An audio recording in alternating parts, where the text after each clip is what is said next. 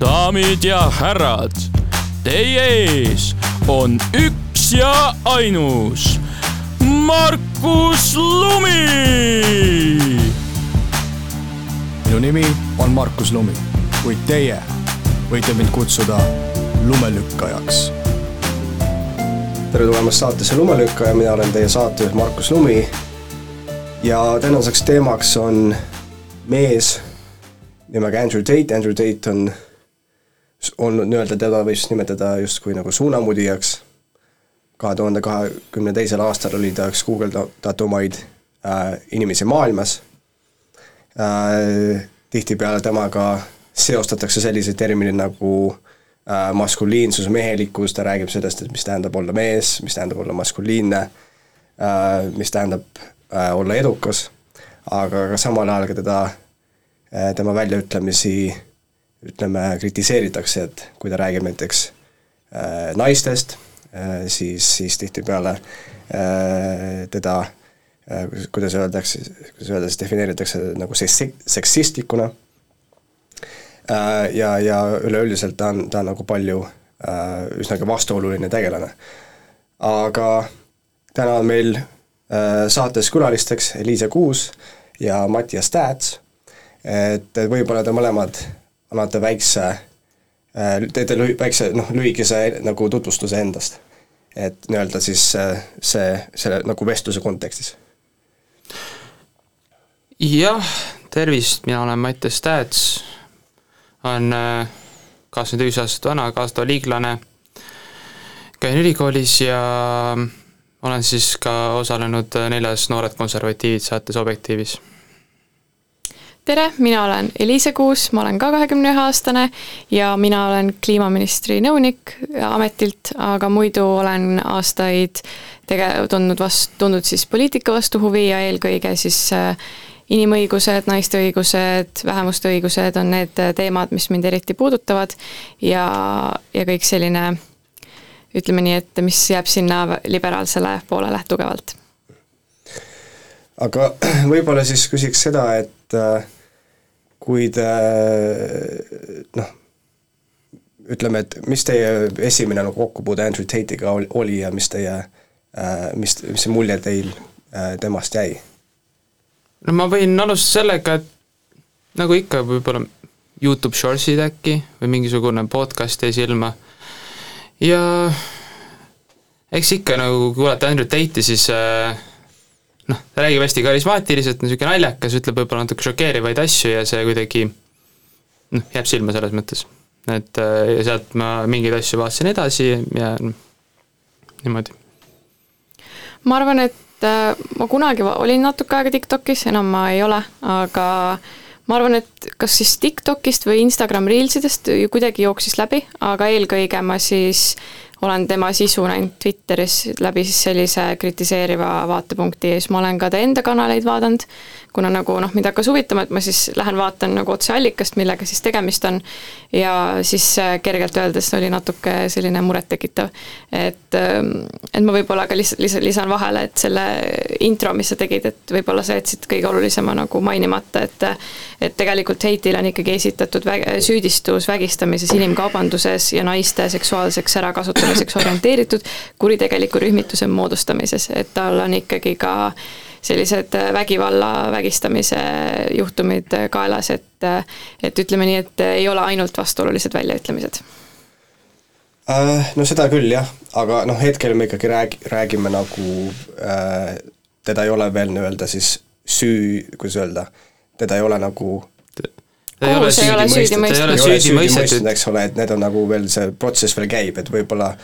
võime sellest hiljem rääkida, võib-olla selle jätta praegu kõrvale, aga et rääkida tema üleüldisest nagu persoonast ja tema nagu sotsiaalmeedia, kuidas öelda, kohalolust um,. Et uh, ma küsin sinu käest, et mis, kui sa teda nagu jäl-, oled jälginud uh,, mis arvamus sul temast, temast jäi? Minu üleüldine arvamus Andrew Tate'ist on see, et uh tema ühiskonnakriitika selles suures pildis vastab äh, enamus sellest tõele, on tõele väga lähedal väga paljudes äh, küsimustes, põhimõtteliselt tema peamine fenomen ongi see, et ta kritiseerib mingisuguseid ühiskonna asju, aga või siis öeldes, tema kõige suurem puudujääk selle koha pealt on see, et võib-olla need lahendused, mis ta pakub ühiskondlike probleemide lahendamisele, ei ole alati kõige paremad. Ja ka jällegi on ka mingeid lahendusi, mis äh, selles mõttes ei ole kuidagi kahjulikud, et äh,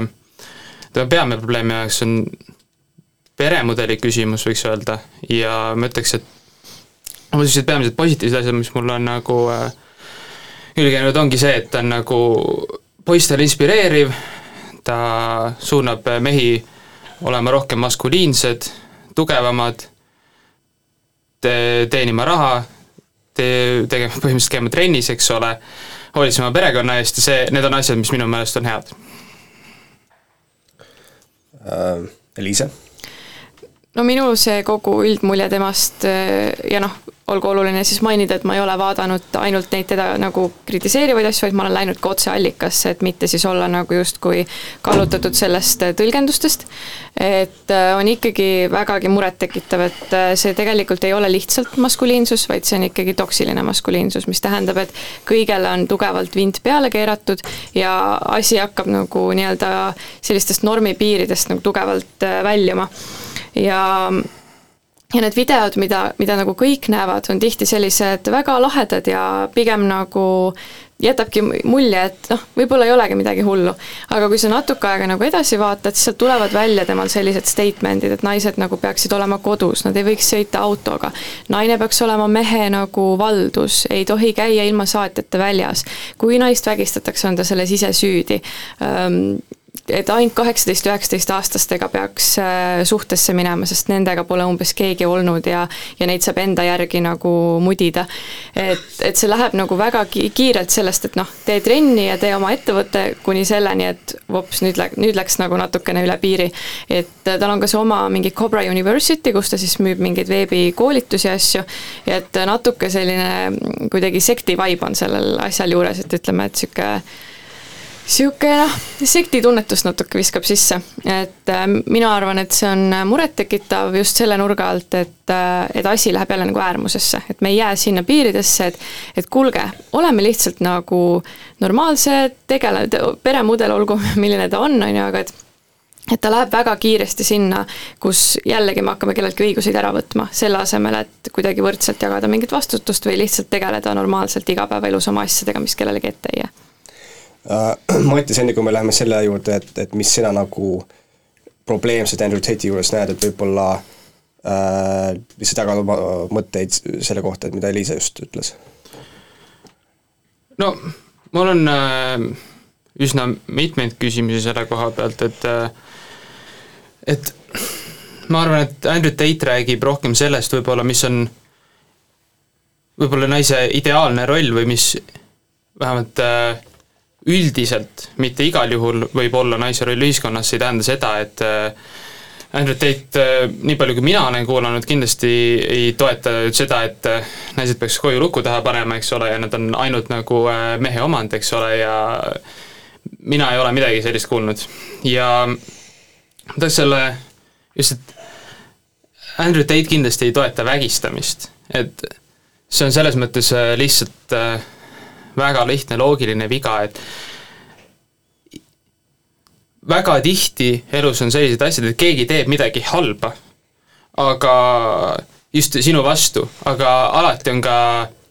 iseendal võimalus teha midagi, et seda olukorda vältida, et oleks väiksem risk, et selline asi juhtub. ja sellisel, selles mõttes nagu sellisel juhul see on nagu teatav vastutus sellel inimesel, kes äh, paneb ennast nagu riskiolukorda, isegi siis, kui äh, see, mida teine inimene teeb, on äh, igati hukkamõistetav. aga võib-olla siis praegu jätkame, jätkamegi selle teemaga, et võib-olla siis Liise annab oma vastu äh, väite või? no esiteks see, et noh, sina võib-olla pole näinud seda poolt, kus ta neid asju natukene pikantsemalt kirjeldab, ei tähenda, et neid asju ei eksisteeri, sest et mina olen neid videoid internetis näinud ja miljonid inimesed veel. ja, ja selle omavastutuse poole pealt on, on jällegi see, et äh, kogu see diskursus selle, kas Dayton pooldab vägistamist, mitte noh, on videomaterjal, kus ta peksab naist vööga näiteks. et noh, ütleme nii, et selle, see materjal on olemas, seda saab on ju vaadata, et ja siis tekibki küsimus, et kui inimene on rajanud inimkaubandusvõrgustiku väidetavalt siis ja tegelenud kaameratüdrukute kupeldamise asjadega, et siis kas ta toetab vägistamist või mitte, et no võib-olla ta on tõesti lihtsalt ärimees ja arvab, et ei peaks vägistama, aga ma arvan, see tõenäosus on väga-väga väike. ja siit tekibki küsimus kogu selles date'i asjas, et kellele me paneme Äh, jälle selle vastutuse, et kas me paneme vastutuse ohvrile, et naine ei või minna välja sõpradega peole, ei või tarbida alkoholi, või paneme vastutuse sellele mehele, et lihtsalt äkki lõpetaks naiste vägistamise, iga neljandat naist on seksuaalselt väärkoheldud mingil moel. ja ma ei tahaks uskuda, et iga see naine on seda väärinud. ja kui me võtame, et iga neljas naine, siis ka kõigi meie tutvusringkonnas ja väga paljud tüdrukud neid kogemusi nagu jagavad et minu jaoks on see nagu ohvri süüdistamine sellises olukorras ja, ja kuidagi väga-väga vastukarva. lihtsalt tahaks mainida, et mitmed asjad, mis sa välja tood, on nagu selgelt ümber lükatud, et kas või sama video, millest sa räägid, seesama naine, kes selles videos osales äh, koos Andrew Tate'iga, ise tuli avalikult välja, ütles, et see oli konsensuslik ja tal ei ole Andrew Tate'i vastu mitte midagi. see on lihtsalt puhtalt selle koha pealt vale väide, et see ei vasta tõele, see on lihtsalt noh, ma isiklikult ei toeta mingeid väga veidraid mänge kuskil magamistoas, eks ole, aga see ei, see lõppkokkuvõttes eh, ei ole minu asi, et äh, kellegi, kellegi seksuaalharjumusi niimoodi siin kritiseerida sellise koha pealt ja jällegi see, et igal inimesel on mingi vastutus selles, kuidas nad igapäevaselt käituvad, ei tähenda seda, et kui keegi teeb midagi äh, hukkamõistetavat, mis ütleme niimoodi, et normaalses riigis äh, päädiks ilmselt surmanuhtlusega, siis äh, see ei tähenda, et me temalt süü ära võtame, vaid see tähendab lihtsalt seda, et iga inimene saab analüüsida, kuidas tema käitub ja võib-olla iseennast, ise, ise ja ise nagu rohkem riski vältida, et ka mina igapäevaelus mõtlen sellele, kuidas ma saan nagu äh, võimalikult noh, mingeid riske vältida, mis ei ole vajalikud lihtsalt. Aga kuidas, noh, mind lihtsalt puhtalt huvitab äh, vahemärkusena, et oleks kõigile selge, kuidas mina naisena saaks minimeerida seda riski, et mind näiteks vägistatakse ära? No ütleme niimoodi, et no ilmselt kõige lihtsam oleks mitte väljas käia, aga kui isegi kui väljas käia, siis äh, ma arvan, et ümbritseda ennast inimestega, kes äh, saavad sind kaitsta või siis mitte panna ennast äh, noh, saab, saab minna välja niimoodi, et juua mõõdukalt, see nagu noh, ma tean, lihtsalt kui sa jood ennast punktini, kus sa ei ole enam võimeline adekvaatselt käituma või adekvaatselt üldse nagu funktsioneerima, siis sa pead lihtsalt väga palju usaldama neid inimesi, kellega sa koos oled, ehk siis äh, kaks võimalust, kas sa valid nagu väga hoolikalt, et need, kellega sa välja lähed, et sul on üks kaine inimene olemas, kes saab nagu valvata, et sinuga midagi ei juhtuks, või siis sa lihtsalt ei äh, välju funktsionaalsuse piiridest kaks märkust, väga, no põhimõtteliselt peaaegu et kõik erinevad vägivallajuhtumid naiste suunal juhtuvad kodudes ja lähedaste poolt, seega ka see väljaminek ei ole ainus ohukoht. Ja et äh, mulle tundub siis natuke ka selline ülekohtune, et mehed siis justkui võivad juua ja teha kõike ja naised ei või siis paari trinki teha. Ja ma võin igaks juhuks, et äh, mainida, et naised on väga-väga-väga ettevaatlikud väljas käies, et äh, kuna need ohud on olemas ja lihtsalt võib-olla natuke, et nad kalibreerida seda, et, et naised kindlasti, ma arvan, ei peaks kodus istuma ja lõpetama näiteks sõpradega õhtul klubisse minekut ära, et see tundub mulle natukene, natukene piirav. No ma lihtsalt kommenteeriks jällegi seda, et äh, ma ei öelnud, et mehed seda tegema peaks, igal juhul nagu purjutamine on igal juhul halb. vahet ei ole, kas tegemist on mehe või naisega, lihtsalt äh, naised tihtipeale on haavatavamad. aga kes naisi haavavad? ikka mehed, nii et ma arvan, et algab äh, kõik sellest, et äh, mehed vaatavad ka enda ja oma sõprade ja tuttavate ja eeskujude käitumise peale, et eks see ühiskondlikud asjad äh, ühiskonnas toimuvad ähm, mured, nähtused on ikkagi kuidagi seotud ka e-, kõigi meie enda suhtumise eeskujudega. aga noh, eks ta ole natuke nüüd teitist eemale triivinud, aga ma arvan, et on oluline lihtsalt mingites asjades nagu läbi arutada just sellised fundamentaalsed teemad. okei okay,, ma lasen sul siis veel vastata ja siis Eliisele, siis me lähme, siis ma küsin sult midagi. no põhimõtteliselt äh, minnes date'i juurde tagasi, ma ütleks, et äh, või, jätkates sedasama teemat, siis kõige suuremaks ohuks naistele on just äh, mehed, kes ei ole maskuliinsed, kes ei ole tugevad, kes ei ole võimeline seda ennast kontrollima, kes on emotsionaalsed, kes on nõrgad, kes äh, normaaltingimustes ei ole võimelised endale nagu äh, naist leidma, siis need on need inimesed, kes lähevad vägistama ja ja noh, teevad nagu väga halbu asju naiste suhtes ja need mehed, kes on tugevad ja päriselt kompetentsed, need seda kunagi ei tee, ehk siis kui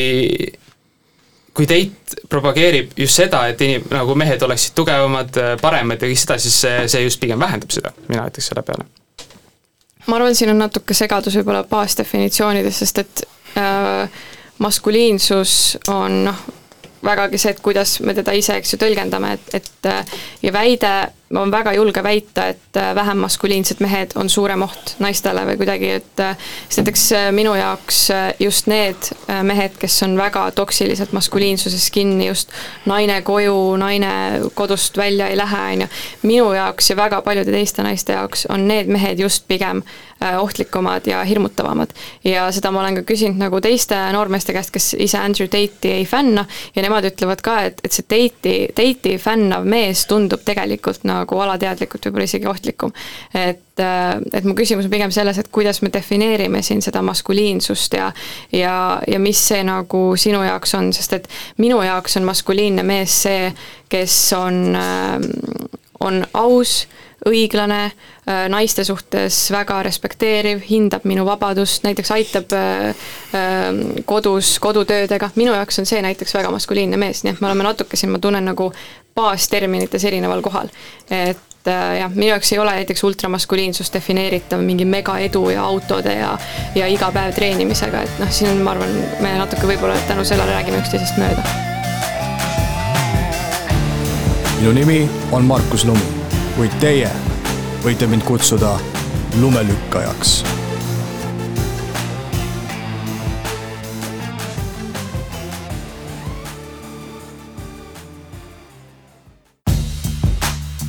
daamid ja härrad,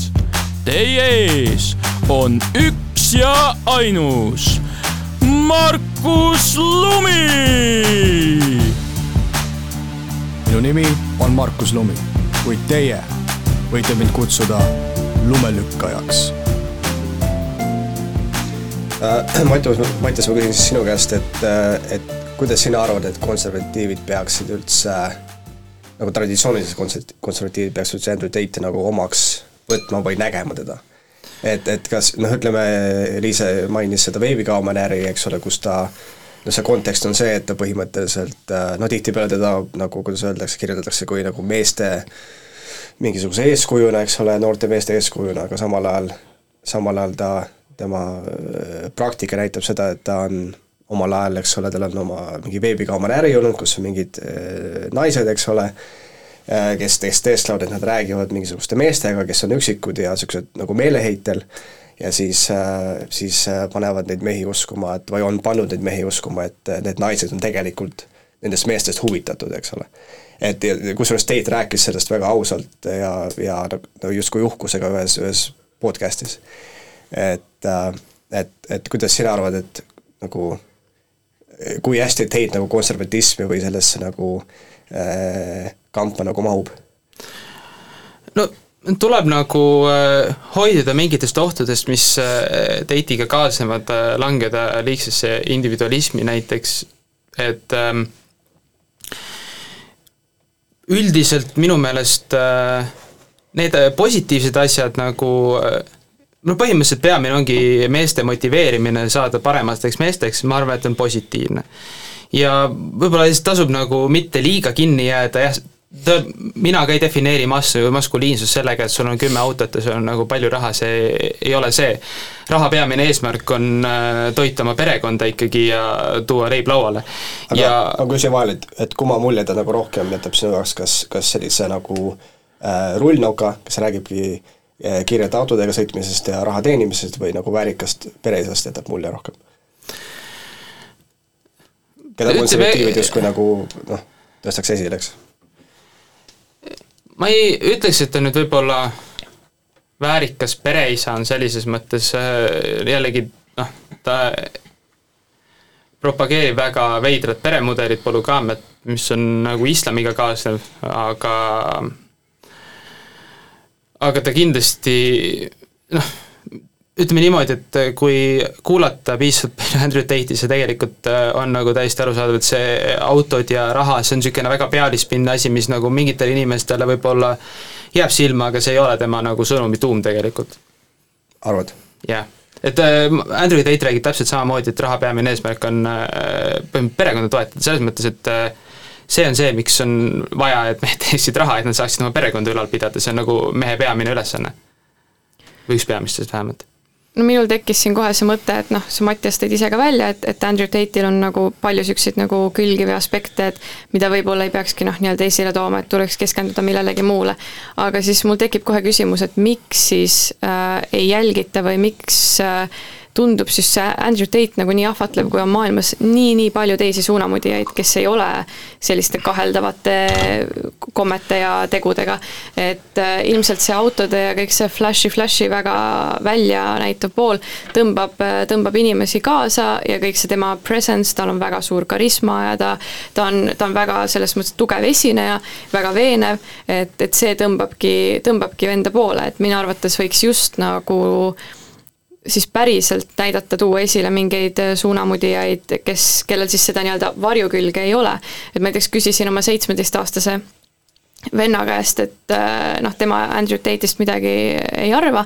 et teda ei jälgi, aga et noh, et kes on tema arvates siis mingeid suunamudijaid ja ta ütles kohe, et et tema jälgiks nagu pigem neid, kes räägivad samadest teemadest, aga normaalselt ja ilma mingite muude pahedeta, näiteks Eestist Raivo Hein tegeleb ettevõtlusega, on investor, elab ka kuidagi toredalt pereelu ja, ja teeb vahvaid videoid, on ju, siis välismaalt keegi Koginsi ta tõi välja, näiteks Andrew Coggins. näiteks Andrew Huberman on äh, neuroteadlane, kui just tahate nagu meessoost tuua mingeid eeskujusid, on ju. Andrew Huberman on neuroteadlane, kes teeb väga ägedat podcast'i, räägib äh, tervislikust eluviisist, äh, treenimisest, aju, aju kuidagi, kuidas aju hoida ja nii edasi. et mina, mina arvan, et tuleks just suunata noori selliste eeskujude poole, kes räägivad noh, mingil moel siis noh, nendest asjadest, millest võib-olla Teit räägib nagu veidi üle võlli kastmes, räägiks normaalselt. no selles mõttes, et äh, mainiks jällegi ära, et ei ole olemas ühtegi inimest, kellel on mingit varjukülge või mingeid negatiivseid omadusi, et äh, võib-olla Andrew Tate'i puhul on need võib-olla selgemad, aga kindlasti perfektseid inimesi ei ole kindlasti olemas ja ja tõenäoliselt iga inimene, keda sa Facebook või Youtube'is kuulad, tal on mingis, midagi ta on ikkagi halba teinud oma elu jooksul, et äh, väga ebatõenäoline, et ei ole. aga jällegi minu, minu teada vähemalt David Coggins äh, on väga positiivselt rääkinud Andrew Tate'ist, et nagu need inimesed äh, üldiselt ei ole üksteisega mingeid probleeme, et ma ei näe, miks keegi võiks kuulata Andrew Tate'i ja David Cogginsit, et nagu selles mõttes, et mõnest kohast saab et igalt inimeselt saab võtta midagi head ja selles mõttes, et sa saad võtta Andrew Tate'ilt selle, mis on positiivne, sa võtad David Cogginsilt selle, mis on positiivne, sa saad võtta Michael Knowlesilt selle, mis on positiivne, võib-olla kuulata Bishop Schneiderit,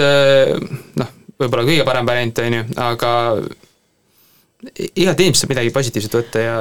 jah, peamine jaa, ei sellega ma ei vaidle üldse vastu, et igal inimesel, ega keegi pole perfektne, aga lihtsalt ongi, et kui anda inimesele nii suur tähelepanu ja nii suur mõjuvõim, siis, siis mees, kes on äh,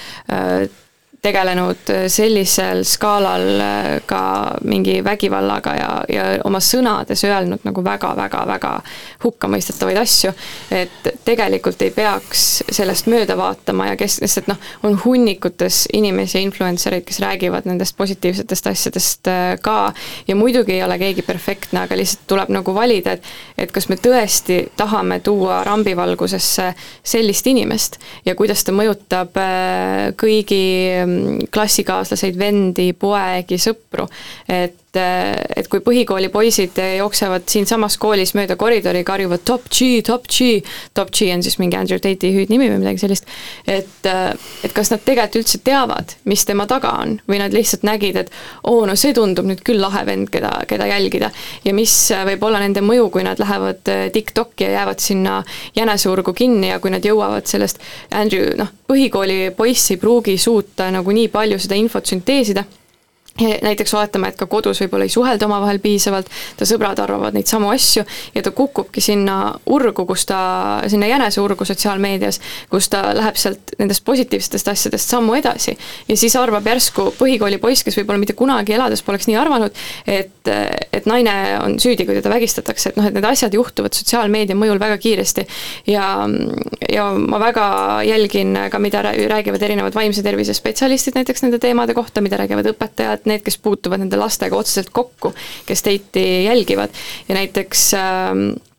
Nad on, nad on väga mures. Äh, noored poisid, kes jälgivad teiti, sõimavad koolis oma õpetajaid kõigi ees.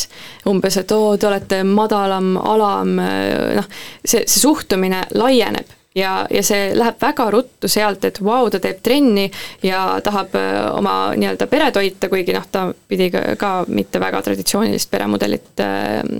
ise kiitma. see läheb väga ruttu selleni, et, äh, et see mõju on noortele kohe ja see on täiesti üle võlli. näiteks Eesti Koolipsühholoogide Liidu juht Karmen Maikalu on korduvalt rääkinud sellest, et, et pered ei suhtle omavahel kodus, omavahel räägitakse väga vähe. lapsed ja vanemad ei suhtle. ja ma arvan, et siin on see koht, kus peaks kõik kellad olema punases ja vanemad peaks rääkima oma lastega, oma poegadega. ma olen terve elu oma vanematega iga päev rääkinud, mis toimub, värgid-särgid, kõik elu läbi arutanud. ja, ja kui sul tekibki küsimus mingi sotsiaalmeedia fenomeni kohta, saad sellest oma vanematega rääkida, vanemad on teadlikud, arutavad asju vastu. et, et suur probleem on pigem see, et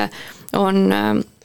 on valed eeskujud ja neid tõlgendatakse väga valesti, võetakse ette, leitakse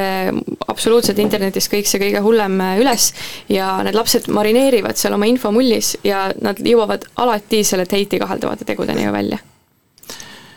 no nad kindlasti ei jõua kõigi nende kahedate tegudeni välja, siin on äh, ka võib-olla peamine, peamine lahendus sinu probleemile on see, et äh, mitte anda väikestele lastele TikToki kätte, et see on nagu vahet ei ole, kas sealt tuleb Andrew Tate või mingisugune kommunist, eks ole, selles mõttes lõppkokkuvõttes äh, nad ei ole, nad ei ole võimelised kriitiliselt mõtlema, selles mõttes sul on õigus, aga lahendus ei ole mitte võib-olla Andrew Tate'i ära keelata, vaid, vaid vaid pigem vaadata, et justkui sellised väga mõju, mõju, mõjueas inimesed ei saa ligi sellistele asjadele, aga tahtsin äh, eelnevat punkti veel puudutada, et äh, see ei ole tegelikult otseselt meie valik, kes on populaarne ja kes ei ole, selles mõttes, et Andrew Tate on äh, üks oma aja parimaid turundajaid. Ilmselt ja see, kuidas ta on suutnud ennast turundada niimoodi, et ta on nii populaarseks muutunud. äh,, on, äh, on väga muljetavaldav. ja minu arvamus üleüldiselt on see, et jah, sul on mingisugused inimesed, keda on parem kuulata kui Andrew Tate'i üldiselt, aga aga see ei ole otseselt meie valik ja minu meelest Andrew Tate on nagu noortele poistele pigem äh, positiivsem eeskuju kui mingisugused nagu sotsiaalmeedia kommunistid ja liberaalid ja kõik, keda tegelikult nagu see sotsiaalmeedia algoritm siis nagu proovib päriselt nagu lastele promoda, mingisugused äh, mehed, kes panevad endale meiki näkku, eks ole, ja mingisugused H3, H3-d, kes nagu lihtsalt äh, ei ole nagu üheski mõttes kellelegi heaks eeskujuks, et äh,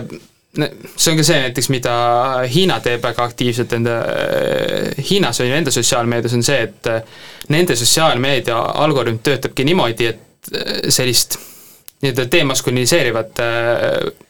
sisu ei näida, nagu seda ei promota, ehk siis seda põhimõtteliselt äh, see algoritm toetab mingisuguseid asju, mis päriselt on nagu positiivsed ja head.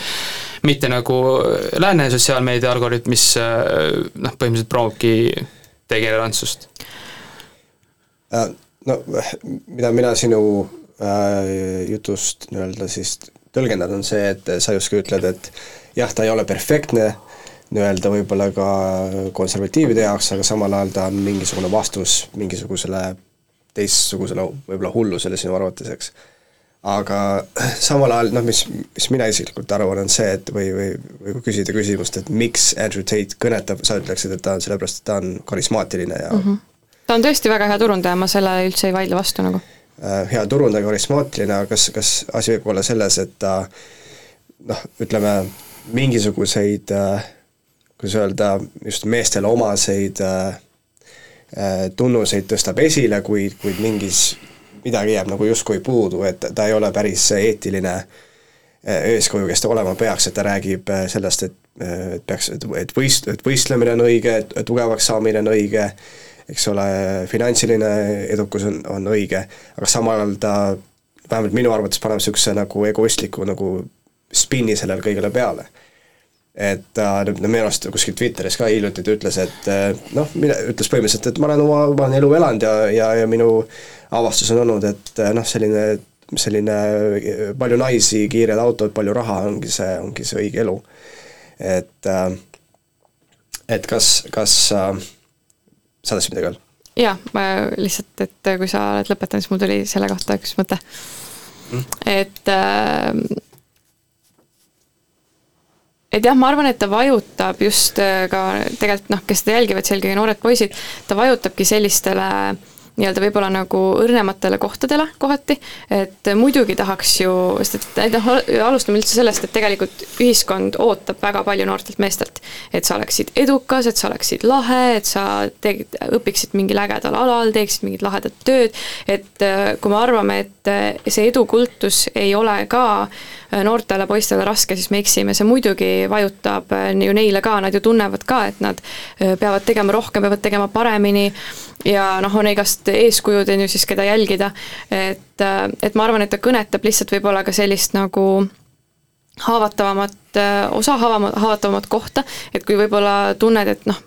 ei, võib-olla on vähe kuuluvustunnet, siis ta pakubki sellist nagu pelgupaika, et see on väga nagu inimlik reaktsioon, mis seal tekib. ja lihtsalt veel võib-olla eelmise mõtte jätkuks, et et muidugi meie võimuses ei ole Andrew Tate'i mitte kuulsaks teha ja, ja see kõik käib üle meie peade, aga lihtsalt, et see algoritm võib-olla, et see natuke väide, et ma ei tea, kas sul on sellele väitele ka mingi, mingi kinnitus, mis on päriselt baseerub mingitele katsetele või testidele. aga näiteks noh, mina olen märganud, et mina ja näiteks äh, mul ähm, elukaaslase algoritm pigem kipub meile viskama mingit nagu äh, paremäärmuslikku sisu rohkem sisse nagu. et mina olen just märganud seda, et mina näen vähem nagu sellist ultraliberaalset sisu ja näiteks tema, kes ta on väga vähe sotsiaalmeedias, kui tema läheb Youtube Shortsi, tal hakkab viskama Andrew Tate'i, kuigi ta ei ole mitte kunagi neid tema videoid on ju vaadanud. et äh, ma ütleks, et ma olen tajunud nagu algoritmides, muidugi mina ei ole ka mingi data, aga lihtsalt ma olen näinud, et ka vastupidist efekti, et võib-olla seda tasuks nagu fact check ida. aga üldiselt äh, ma arvan jah, et, et noortel poistel võib-olla nende selle nagu vaimse tervise poolega peaks kuidagi nagu eraldi tegelema või vaatama just seda, et et mida tegelikult ühiskond neilt ootab ja miks nad näevad sellist inimest eeskujuna, kas neil on puudu isa eeskujust võib-olla. võib-olla nende elus puudub mingi tugev meessoost hea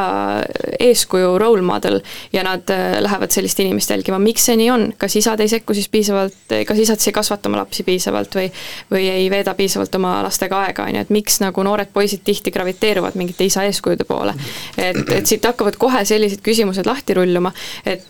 et need noored poisid tegelikult ei ole nagu milleski süüdi, vaid võib-olla nemad on hoopis millegi ohvrid. et võib-olla siis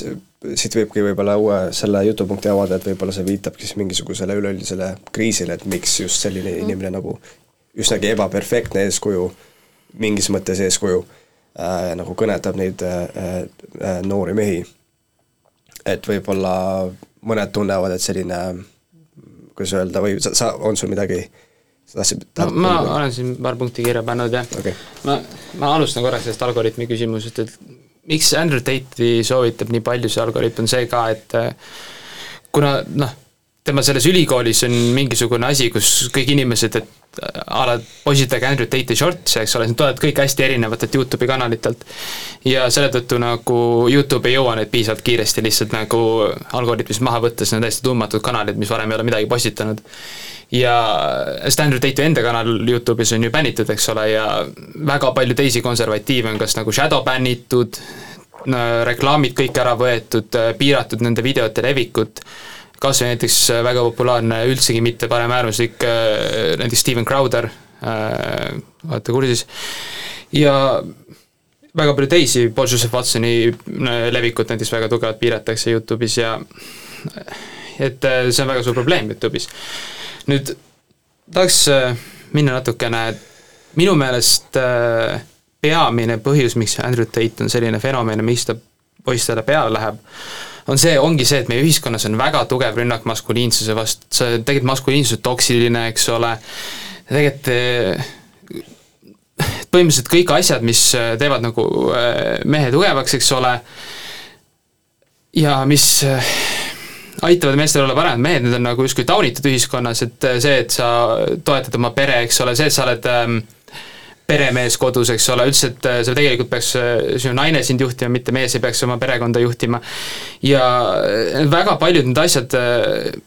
noored mehed, kui nad kuulevad nagu väga palju seda maskuliinsuse vastast propagandat, siis noh, nad saavad alateaduslikult aru, et see on nagu probleem ja siis, kui tulebki Andrew Tate, siis, siis noh, nad resoneeruvad sellega, nad resoneerivad sellega, et äh, neil läheb see väga hästi peale. ja see ongi selles mõttes, äh, isapuuduse küsimus on täiesti põhjendatud küsimus selles mõttes, et ähm,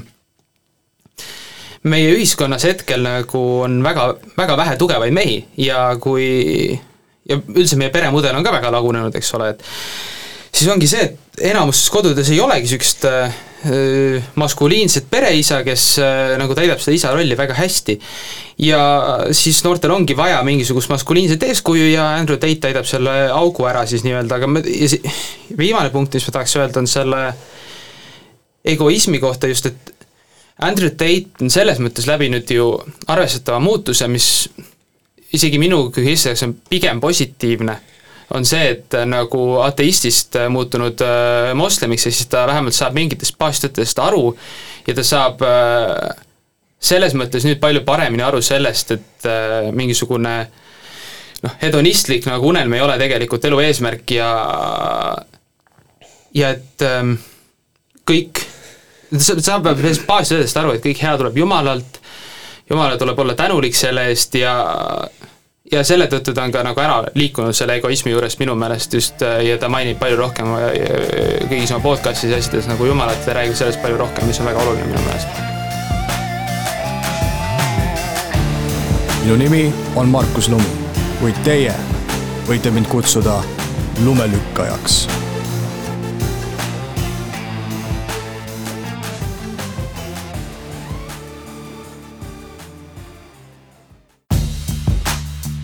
daamid ja härrad, teie ees on üks ja ainus Markus Lumi. minu nimi on Markus Lumi, kuid teie võite mind kutsuda lumelükkajaks ähm,. aga mis, mis sa arvad, kas äh, maskuliinsus nagu kõigepealt võiks uuesti ära defineerida, mis teie arvates maskuliinsus tähendab, aga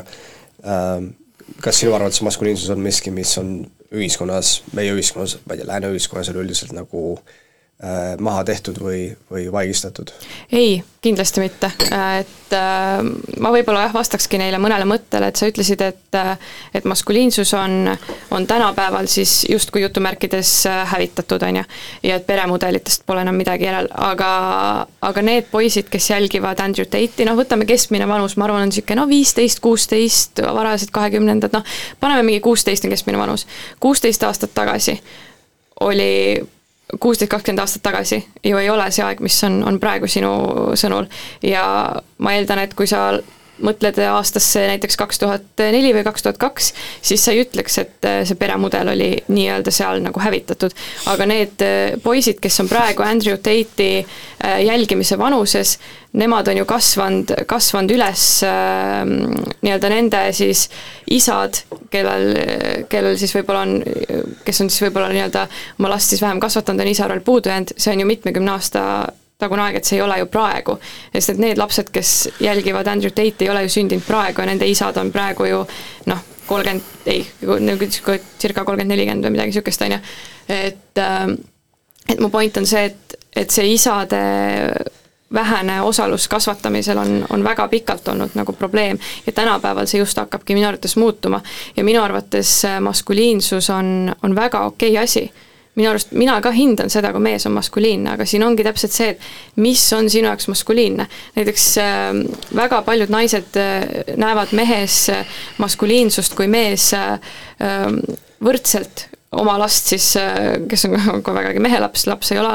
naise oma, kasvatab, äh, kasvatab oma last, asjad on jagatud äh, võrdselt, kes hoolitseb samamoodi oma, oma kodu eest, on ju. et, et maskuliinsus minu arvates on just muutunud ajas nii-öelda vähem toksilisemaks, aga siis tekivadki sellele vastu mingisugused nii-öelda suurkujud, kes siis hakkavad seda toksilist maskuliinsust justkui nagu vägisi tagasi tooma. et minu arvates mees, kes kes väljendab oma emotsioone, on tundlik, äh, hoiab oma naist ja pere, on ju, et, et see on väga-väga hinnatud ja, ja see ongi nagu maskuliinsus, mehelikkus, kui kui mees ei, ei lükka kogu vastutust kodu ja laste ja pere eest naise peale ja osaleb ise öö, oma, omaenda laste kasvatamises ja, ja see ei tähenda, et see mees ei oleks, ei oleks maskuliinne, minu jaoks ongi mehine mees, on, on ilmselt midagi teist, kui ta on tegelikult sinu jaoks. et ja ma arvan, et see on väga positiivne, et tänapäeval järjest rohkem äh, öeldakse, et on okei okay,, kui mees näitab oma emotsioone välja ja, ja see ei tähenda, et peaks olema hüsteeriline, vaid see, et ka mees julgeb näiteks minna vaimse tervise abi otsima, läheb äh, psühholoogi, psühhiaatri juurde, et minu arvates selline asi ongi nagu mehelik, et aga mida Andrew Tate promob, on justkui selline kramplikult mingites soorollides kinni olemine ja sealt mitte kuhugi astumine. et ja see ei tähenda, et mina oleks kuskil äärmuses, kes ütleb, et umbes kaotame nüüd kõik, mm, kõik ära ja kõik hakkavad nüüd jumala suvaliselt elama, ei, ma arvan, et äh, tänapäeval, mis toimub, on, on see, et äh, on vähem äh, ülitoksilist äh, maskuliinsust, ilmselt see võib tuua kaasa ka madalama koduvägivalla pikemas plaanis, on ju, et kui sellest toksilisest maskuliinsusest kõrvale astutakse, et, et ma arvan, et siin on väga palju mingeid nüansse, et see ei ole nii mustvalge aga mis need äh, toksilised aspektid siis maskuliinsuse puhul on? no see ongi see, et, et mees on, mees on alfa, naine teeb ainult kodutöid, mees ei, me-, naine ainult kasvatab lapsi, tegeleb kodus asjadega, väljas ei käi, mees on mehine, teeb, mis tahab, käib tööl, toob raha koju umbes, et see on ainus väärtus, mis tal on, eks ju, et, et just see, et, et noh, mees ei või umbes näokreemi kasutada või psühholoogi juurde minna, et siis ta on kohe nagu, siis ta ei ole enam mehelik ja ja ma arvan, et selliste asjade nagu surumine ongi see, mis viib selle nagu toksiliseks. ja tihti see ülim maskuliinsus, mida kõik siis, ma ei tea, ma ütleks siis võib-olla Andrew Tate'i pooldajad, konservatiivsemad mehed taga ajavad, viib lõpuks ikkagi selleni, et naisel nagu, naisel on selle tõttu kuidagi keerulisem, talt võetakse mingeid õiguseid ja vabadusi jälle vähemaks. et see on minu arvates see, mis seda toksiliseks teeb. Nii, saan äh, jätkata, okei okay,, alustada et perekond on olnud rünnaku all palju kauem kui kakskümmend aastat, et äh, ja sai alguse ikkagi sellega, kui protestandid mõtlesid välja abielu lahutuse ja see juba hakkas nagu perekonnamudelit nagu väga tugevalt lõhestama. ja eriti peale seksuaalrevolutsiooni on see perekonnamudeli lammutamine läinud eriti tugevaks, et selles mõttes, et äh, väga tugevalt on see põlvkond ja eelmine põlvkond ja üle-eelmine põlvkond mõjutatud nagu äh, meeste puudusest. Et võib-olla viimane niisugune tugev, tugev generatsioon oligi võib-olla Teise maailmasõja aegu, et äh, need on niisugused, enamus mehed on väga pehmeks ära läinud. Ja ma tahaks mainida just seda võrdsete kohustuse asja, et see lähtub teataval määral nagu eeldusest, et mehed ja naised on justkui nagu kõiges täiesti võrdsed, et ei ole asju, milles mehed on paremad, ei ole asju, milles naised on paremad, see lähtub sellest, sa ei saa võrdselt jaotada kõike, et mehed on paremad mingites asjades, naised on paremad mingites asjades, ma toon väga, väga hea võrdluse, et ähm, mis, mis, mis võiks olla nagu ideaalis abielus näiteks äh, siis äh, mehe roll ja naise roll. et äh, mees on siis justkui ähm, peaminister ja väliminister, välisminister siis, ja naine on siis justkui siseminister ja haridusminister. et mehe roll on juhtida üleüldiselt oma pere, suunata ja teha lõppkokkuvõttes need otsused, mis on äh, perekonnale kõige paremad ja samuti kaitsta perekonda välis, väliste ohtude eest, sellepärast et mees on selles kõige parem. ja naise roll perekonnas on hoolitseda kõige eest, mis toimub kodus, ka ja hoolitseda ka laste eest. Ja ma ei väida seda, et mehed ei hoolitse üldse laste eest, et see ei vasta absoluutselt tõele, et kui mees tuleb töölt koju ja ta läheb kuskile arvutisse mängima, eks ole, siis see on justkui, see on nagu maskuliinsuse puudumise probleem, et kui mees tuleb koju, siis nagu mida mees peaks tegema, on see, et peaks kas lastega mängima, võib-olla aitama naist, ilmselgelt. Ei ole mingisugust küsimust, aga aga peamine kodu eest vastutav isik peaks siiski olema minu meelest äh, naine ideaaljuhul. on ka, on kindlasti erandeid, ma ei väida, et erandeid ei ole ja kõik inimesed on erinevate iseloomudega, võib-olla mõnda, mõndade inimeste iseloomude puhul on teistsugune elukorraldus mingil määral parem, võib-olla, aga see on nagu niisugune üldine mudel, mille järgi tasub minu meelest elada. tasuks ka, mainis ka siin seda, just seda,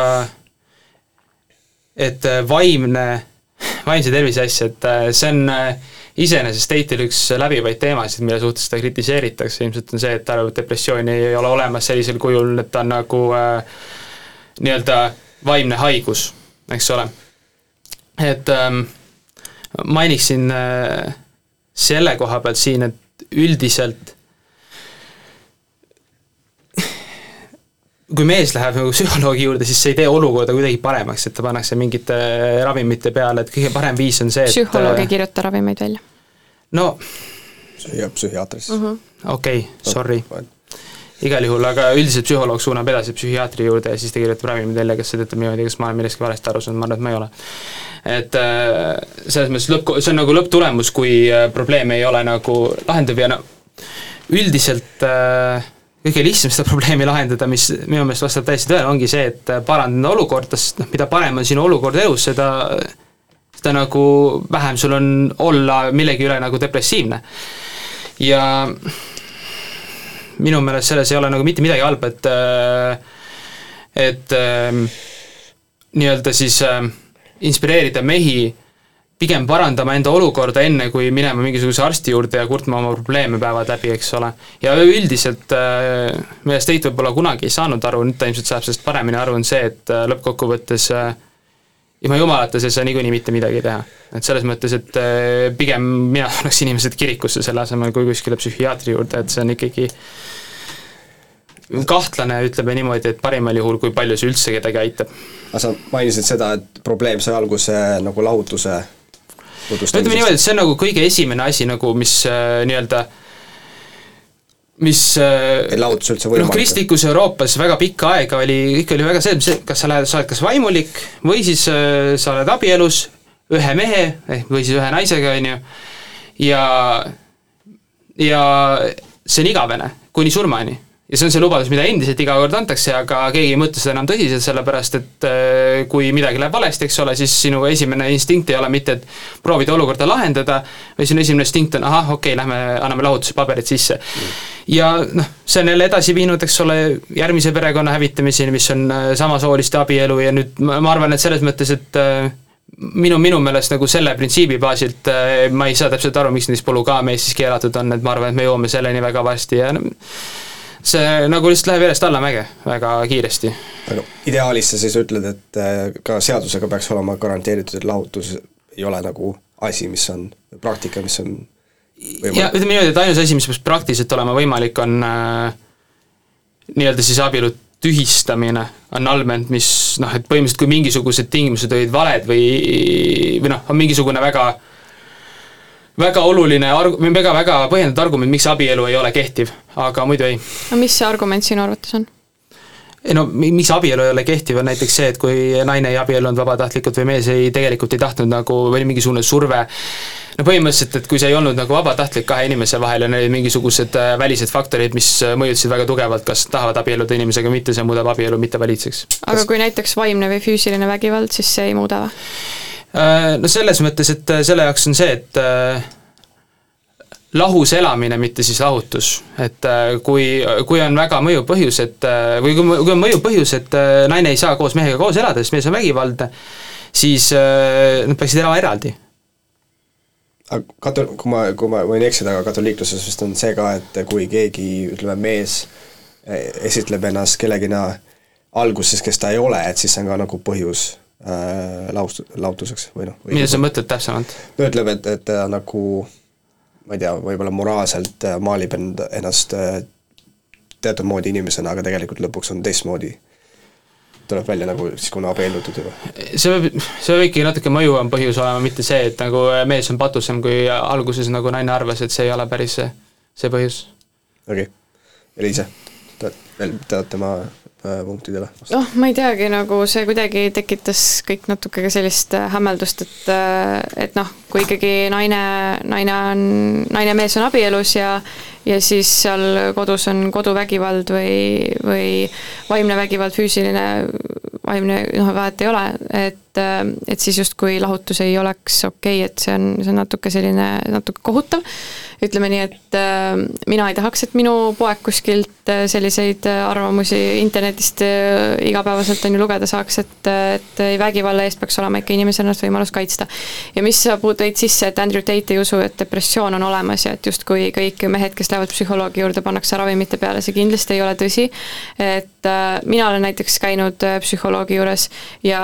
ka psühhiaatri juures lihtsalt, et aru saada, näiteks kuna mul on ärevushäire, et saada aru nagu oma ärevuse iseloomust ja mitte keegi ei hakanud mind ravimite peale panema, mitte keegi ei pakkunud mulle mingeid ravimeid. see on, see on tõesti ikkagi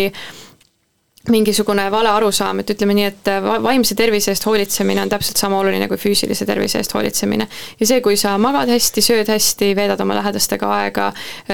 ma ei tea, kas või mediteerid, käid psühholoogi juures, kui sa tunned, et sul on, on kehvem, siis see ei tee mitte kellestki nõrka inimest ja ma arvan, et see on, on väga oluline, et me sellist asja noortele poistele ei sisendaks, sest et väga paljud noored poisid võiksid hoopis saada abi psühholoogi juurest ja see abi ei pea tingimata olema ravimid, kui vaja, siis muidugi, aga see ei pea tingimata see olema. ja nad võivad sealt saada väga, väga palju abi ja, aga kui see Andrew Tate lükkab nad sellest abi saamisest eemale, siis äh, ma ütleks, et äh, see on ju mingi väga-väga negatiivne tendents, mis hakkab ühiskonnas tekkima. et, ähm, et siis samal ajal tüdrukud tihti võivad olla samas eas, näiteks vaadata mingi põhikooli, gümnaasiumiiga äh, poistest progressiivsemad, nad näiteks ei jälgi Tate'i, nad jälgivad mingeid Äh, mingeid kanaleid, kus nemad äh, näiteks saavad äh, infot, et psühholoogi juures käimine on, on okei okay ja nad lähevad psühholoogi juurde, nemad võib-olla tegelevad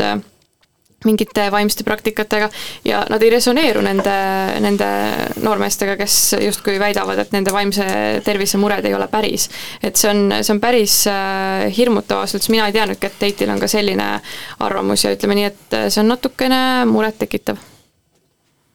ma lihtsalt kiire kommentaar, et kui psühholoogid nii hästi töötavad, et miks me siis on nagu kõige suuremas depressioonis olev ühiskond üldse nagu läbi ajaloo ja miks meil on kõige rohkem suitsiide, et äh, peamiselt need inimesed, kes ennast, ennast ära tapavad, on just need inimesed, kes psühholoogi juures käivad, sellepärast et kui sa räägid kogu aeg enda probleemidest, siis sa mõtled need probleemid enda jaoks üle, sul on nagu äh, peamine oluline asi on keskenduda millelegi muule, kui nendele asjadele, mis sind muudavad depressiivseks. ja mida, kui sa lähed psühholoogi juurde ja räägid terve aeg oma probleemidest, iga nädal näiteks, on ju, tund aega räägid kogu aeg oma probleemidest, siis sa lihtsalt süvendad nende probleeme, sa räägid nendest kogu aeg ja sa muudad nad tugevamaks. Äh psühholoog ikkagi ka räägib sulle, ma ei tea, kas sa oled käinud, aga psühholoog äh, tegeleb äh, just probleemide lahendamisega. ja tavaliselt ikkagi, kui inimene psühholoogi juurde läheb, tuleb ta sealt ära palju kergema südamega, sest et äh, tema probleeme on aidatud lahendada, ta on andnud endast need välja, sest et mis on väga suur mure kogu selle Tate'i ja, ja no noorte poiste vaimse tervise murede juures, ongi see kapseldumine, see endasse tõmbumine, et enda probleeme ei jagata, sest et see on häbimärgistatud. aga et umbes ära nutta, ära jaga oma probleeme, ära otsi abi. Ja, ja see on kapseldumine, ta istub TikTokis, ta vaatab neid videoid, ta on seal Cobra University's, spämmib seda Youtube Shortsi, on ju, ja, ja ta ei jaga enda muresid, ta istub nende otsas, ta arvab, et et ta saab selle kõigega ise hakkama, ta istub ähm, seal noh, reaalselt oma mullis ja see on, see on vaimsele tervisele väga-väga kehv, kui sa, kui sa oled eh, ennast eh, tõmmanud kõigest välja ja, ja marineerid oma, oma selles kapslikeses ja veel sellise infoga, mis eh, on väga kaheldava väärtusega. et inimlik inimlikult väga-väga tähtis on alati mure jagamine, teistega suhtlemine, sotsialiseerumine, enda muredest rääkimine, nende pere ja lähedastega arutamine, sest et see on päriselt see, mis aitab mure lahendada. mure ignoreerimine ei aita mure lahendada. lihtsalt olgu nagu mainitud, et, et ka see probleemide nii-öelda eiramine, noh, see on umbes sama, et, et kui sul, kui sul ei ole näiteks raha, et osta endale midagi, siis see, kui sa istud ja usud, et, et see ei ole probleem ja ja ma ei tea, mul ei olegi seda raha vaja ja et paned ennast justkui nagu vastupidi uskuma, siis see ju ei lahenda seda probleemi see pigem ei ole see, see ei ole ka see, mida Teit väidab, et Teit väidaks siis, ütleks, ütleks sulle seda, et mine siis teeni raha, mitte ära virise oma depressiooni üle kuskil nurgas, et see on nagu, see on see asja mõte. mitte just see, et äh, ära tee midagi ja üksteisest nagu üle saad. see ongi see, et sellel iga, depressioonil on alati mingisugune põhjus, miks sa oled depressioonis ja kui sa selle põhjuse ära lahendad, siis nagu, siis nagu depressioon kaob ka ära selles mõttes, et kui sa nagu oma elus hakkama ei saa, siis ongi, ongi enam-vähem põhjendatud, sa oled depressioonis, lihtsalt siis tuleb nagu probleemid ära lahendada. et, et muredest ei ole noh, mõtet nagu psühholoogi juurde psühholoogiga ei ole, no selles mõttes, et kui sul on mingisugune suur mure, siis ilmselgelt sa võid seda oma perekonnaga jagada, see ei ole nagu mingisugune raketiteadus lihtsalt, mida ma mõtlen nagu psühholoog-, üldiselt nagu need inimesed, kes psühholoogi, ma olen nii suures depressioonis ja ta-ta-ta-ta, eks ole, see on nagu natukene nagu see, et kui keegi proovib mingit sõltuvust maha jätta, näiteks mingit suitsetamise sõltuvust või midagi ja ta kogu aeg räägib teistele, et ma olen nagu taastuv nii-öelda suitsetamisest nagu, suitsetamissõltuvusest taastuv inimene, eks ole, midagi taolist, eks ole. ja sa kuidagi defineerid ennast läbi selle suitsetaja rolli ja selle tõttu sa kunagi ei suuda suitsetamist päriselt maha jätta, et nagu või siis, või siis on näiteks, võrreldes siis näiteks sellega, et äh, sa oled suitsetamise maha jätnud võib-olla kuu aega tagasi ja siis sa lihtsalt ütledki, et ma ei suitseta. et noh, ma ei ole depressioonis, see on sama, samamoodi minu meelest, et põhimõtteliselt mida rohkem sellest räägid, seda rohkem sa tood selle asja nagu ellu enda jaoks. minu nimi on Markus Lumi, kuid teie võite mind kutsuda lumelükkajaks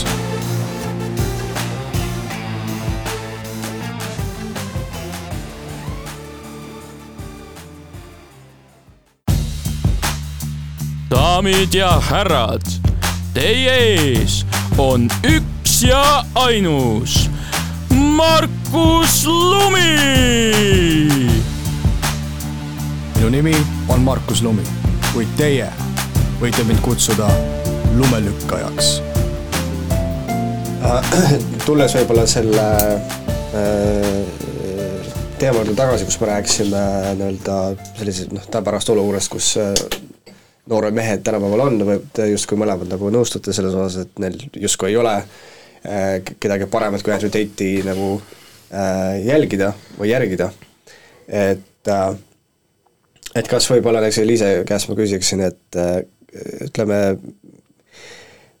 mis puudutab maskuliinsust, eks ole, et, et sa oled, maskuliinsus nii-öelda traditsioonilises mõttes tähendab, et sa oled kaitsja, sa oled äh noh, nagu sa rääkisid, sa hoolitsed, et hoolitsed pere eest ja niimoodi, et äh, näiteks Salk andmeti, andmeil äh,, see on siis sihtasutus Liberaalne Kodanik, et nende andmeil kõige populaarsem erakond äh, noorte meeste seas on just EKRE. et võib-olla kui mõelda teiste erakondade peale ja mis, missugust äh, nagu tööd nemad teevad selles valdkonnas, et võib-olla on seal mingisugune äh, puudujääk siis teiste erakondade puhul et miks just EKRE on see, kes kõige rohkem, kõige atraktiivsem on, et võib-olla teised erakonnad panevad vähem sellele maskuliinsusele äh, rõhku? ma ei tea, ma ei ütleks, et maskuliinsusele nagu vähe rõhku pannakse, et kas see on üldse nagu mingi asi, mida peaks kuskil valimisprogrammides ja kampaaniates, eks ju, kajastama, aga ma arvan, et EKRE on lihtsalt, äh, ta on ahvatlev, ta pakub kergeid lahendusi, ta on äh, kaasakiskuv, huvitav ja sealt tuleb jälle seesama muster, et mingi noh, edukas mees, väga karismaatiliselt, räägib sulle väga veenvalt, kuidas asjad on ja kes on paha, kelle vastu peab olema, kuidas kõik on umbes valesti, kuidas sina, sinult võetakse mehelikkus ära ja muidugi see on nagu noorele poisile nagu oot-oot-oot, et ega mina ei tahagi mingi, mingi mittemehelik olla ja ja see läheb nagu väga kergelt sellele, et vajutab jälle nagu mingitele emotsionaalsetele kohtadele, kus see on lihtsalt, lihtsalt ahvatlev. ja, ja ma arvan, et see ikkagi ka jõuab jälle sinna, et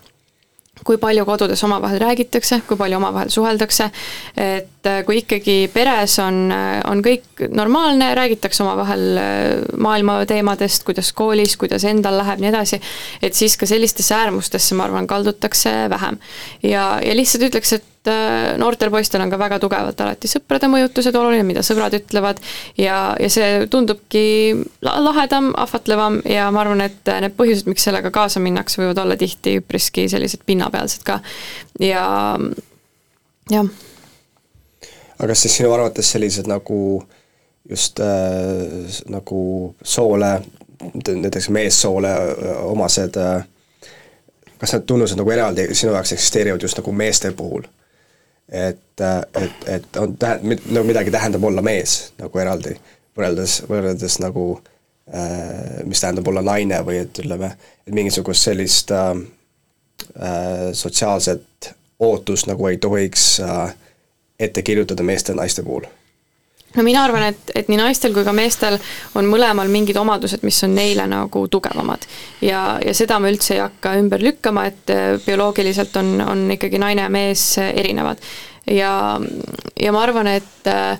et kõigile mingid noh, just eriti ka jah, noortele meestele kõigile nagu see ja noortel naistel seda on, on vähem, aga just, et, et see ühiskondlik surve, et sa pead äh, olema hästi edukas ja võimas ja noh, teenima palju raha ja oma perekonda toitma ja kaitsma. minu arust väga oluline on see, et mees oleks kaitsev, näiteks mina, et see, et mees nii-öelda oleks äh, sirge seljaga, äh, seisaks enda ja minu eest, see on mulle väga oluline. aga siin on ka see piir, et ka kust maalt see läheb nagu nii-öelda üle võlli ja kust maalt see on lihtsalt nagu normaalne, et mees seisabki ja oma naise eest, eks ju, ja ja ongi kaitse, kaitsev ja tugev, on ju, aga et oluline on see, et et see mees ka ise tunneks, et ta on selles rollis nii-öelda hoitud ja toetatud. Ja, ja see ei tähenda seda, et, et see mees peaks oma muresid vaiba alla pühkima ja ja minul mitte lubama väljas käia, on ju, minu jaoks näiteks on, on väga tähtis samamoodi, et ma tunneks ennast mehega kaitstuna ja hoitult. ja seda ma tunnen ja mul on selle üle väga hea meel, aga, aga näiteks noh, kui mehel on ka vaimselt raskem hetk või ta on, ta tunneb ka ennast vahepeal äh, nõrgemana või miski on tal keeruline, siis on oluline, et ta ei pea seda endast nagu alla suruma. ja ta julgeb seda emotsiooni ka endast välja lasta. et see on väga selline nagu, mina ootaks lihtsalt, et, et mees on inimlik ja ka naine peaks olema inimlik ja see on oluline, et saaksid lasta endast mingeid emotsioone läbi, sa ei pea endast midagi alla suruma, aga muidugi on mingid bioloogilised erinevused ja ma ei ütle, et neid kõiki peaks äh, ignoreerima. et siit tuleb ka see küsimus, et noh, et et kui naine on, on sünnitamise ja lapse ootuse ja, ja väikse lapse imetamise hoidmisega enda keha pannud niivõrd ulmelisest pingest ja raskustest läbi, siis minu arvates ongi aus, et, et mees ka tegeleb äh, omaenda lapsega, näiteks ma ei tea, üks kolmandik äh, või isegi pool ajast, on ju, et seal ei ole nagu mitte midagi nagu müstilist. Ja ma arvan, et, et minu jutu ja ma arvan, et see kogu see saate eesmärk ei peaks olema see, et me ei kaotame ära mingisuguse maskuliinsuse või feminiinsuse, on väga oluline, et igaüks saaks tunda ennast oma nahas mugavalt, aga inimlikult ja mitte teistele liiga tehes üks näide popkultuurist on, äh, see meid ei kõneta niivõrd, aga võib-olla nii-öelda lapsi. Ja sellepärast on see relevantne, et äh, Lumivalukesest, eks, et äh, kus vist alles see tuleb film, alles seda tehakse, seda filmi või midagi sellist, kus on põhimõtteliselt selles versioonis lumi, printsi tuleb päästma äh, lumivalgukes või seda printsessi, et see lumi, see printsess on ise liider, et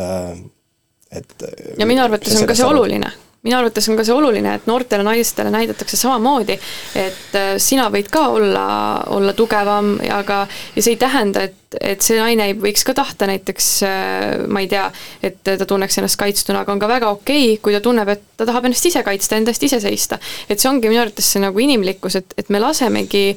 noh, igalühel vaadata, kuidas talle endale nagu paremini sobib. et ühiskond ei kirjuta ette, et vot naine peab olema õrn ja mees peab olema mehelik, see ei ole nii, mina arvan ka, et et kui mina tunnen ennast äh, tugevamana, jõulisemana, tahan näiteks karjäärile pühenduda, siis ma tahan tunda, et see on, see on ka nagu soositud ja normaalne. Ja samal ajal võin olla mina tugev, võib olla mu mees tugev, võib olla mõlemad niisuguses kaitsvas positsioonis, võib olla vastupidi, kui mina tahan olla tugevam, võib olla ka minu mees äh, nii-öelda siis äh, kuidagi võib-olla emotsionaalselt äh, natukene õrnem, et, et just see, et, et kõik selline ongi okei okay ja väga oluline on noortele naistele näidata, et sa võid ka iseenda eest seista. näiteks oli hiljuti tuli see Meri Neitsi film, kus Meri Neitsit äh, mängis äh, mustanahaline näitleja Halle Bailey oli vist nimi, kui ma õigesti mäletan, ja ja millist efekti see näiteks mängis, kuidas noored tüdrukud, kes olidki siis, ongi siis tumedama nahatooniga, kuidas nad nägid, vau, mina saan ka olla printsess, mina võin ka öö, umbes panna ennast printsessi riietesse ja on väga oluline, et et see nagu inglise keeles on selline ilus lause nagu representation matters, ehk siis see, et, et mida sa näed, siis et noh, et, et sa saaksid vaadata midagi, millega sa võid ka resoneeruda, kui sa soovid. ja, ja ma, on hunnikutes, hunnikutes printsessi filme, kus tuleb prints pääst, ma ei pea üldse muretsema, et, et ei ole selliseid filme, aga lihtsalt ka see, et, et lumivalgeke äh, võtab ja ise olukorra ära lahendab, on ju väga tervitatav, sest et äh, ma ei tea, minule väga meeldiks sellist äh, filmi ka vaadata, kus ma näen, et no vot, ei ole vaja printsi, vaid sa võid ise ka enda olukorra kätte võtta, on väga palju tugevaid naisi, kui me võtame näiteks üksikemad, nii edasi, edasi, kes ongi need, kes ise võtavad võtavad asja kätte ja, ja seisavad iseenda eest, toovad ähm, ka ise endale leiba lauale ja selles ei ole mitte midagi häbiväärset, midagi, mida peaks kaotama. näiteks on väga-väga palju üksikemasid, kes, äh, kes peavadki äh, seisma kõige eest ise ja ma ütleks, et ma vaatan neile vägagi alt üles, nad on väga imetlusväärsed ja see ei tähenda, et nad oleks kuidagi, ma ei tea, äh, noh, et neil kuidagi ei peaks olema tähelepanu või, või nad on justkui midagi valesti teinud, et et on oluline see, et, et kõigil oleks midagi vaadata, millega nemad resoneeruvad ja midagi ei häbimärgistataks, et inimlikkus oleks ikkagi nagu igal pool läbiv. no nüüd väga pikk jutt, aga no minu, minu jaoks selline see, kuidas noh, just viimasel ajal sa vaatad, et Hollywood näiteks teeb nagu filme ja filmi peamine eesmärk enam ei ole olla hea film, vaid selle peamine eesmärk on edastada siis seda sõnumit siis nii-öelda, et äh, ja nad teenivad jõhkrat kahjumit selle puhul, nad teevad seda edasi ja edasi ja edasi, asendavad kõiki karaktereid, tuntud karaktereid, mida kõik armastavad, asendavad mingisuguste põhimõtteliselt uute karakteritega, nimetavad seda ikkagi samamoodi, samamoodi noh, lumivalgeke enam ei ole, eks ole, ei ole, ei ole valge, on ju, kuigi noh, see on nagu isegi pealkirjas lumivalgeke. Kogu asja point on nagu äh, kaob ära, et see pealkiri on täiesti mõttetu ja samamoodi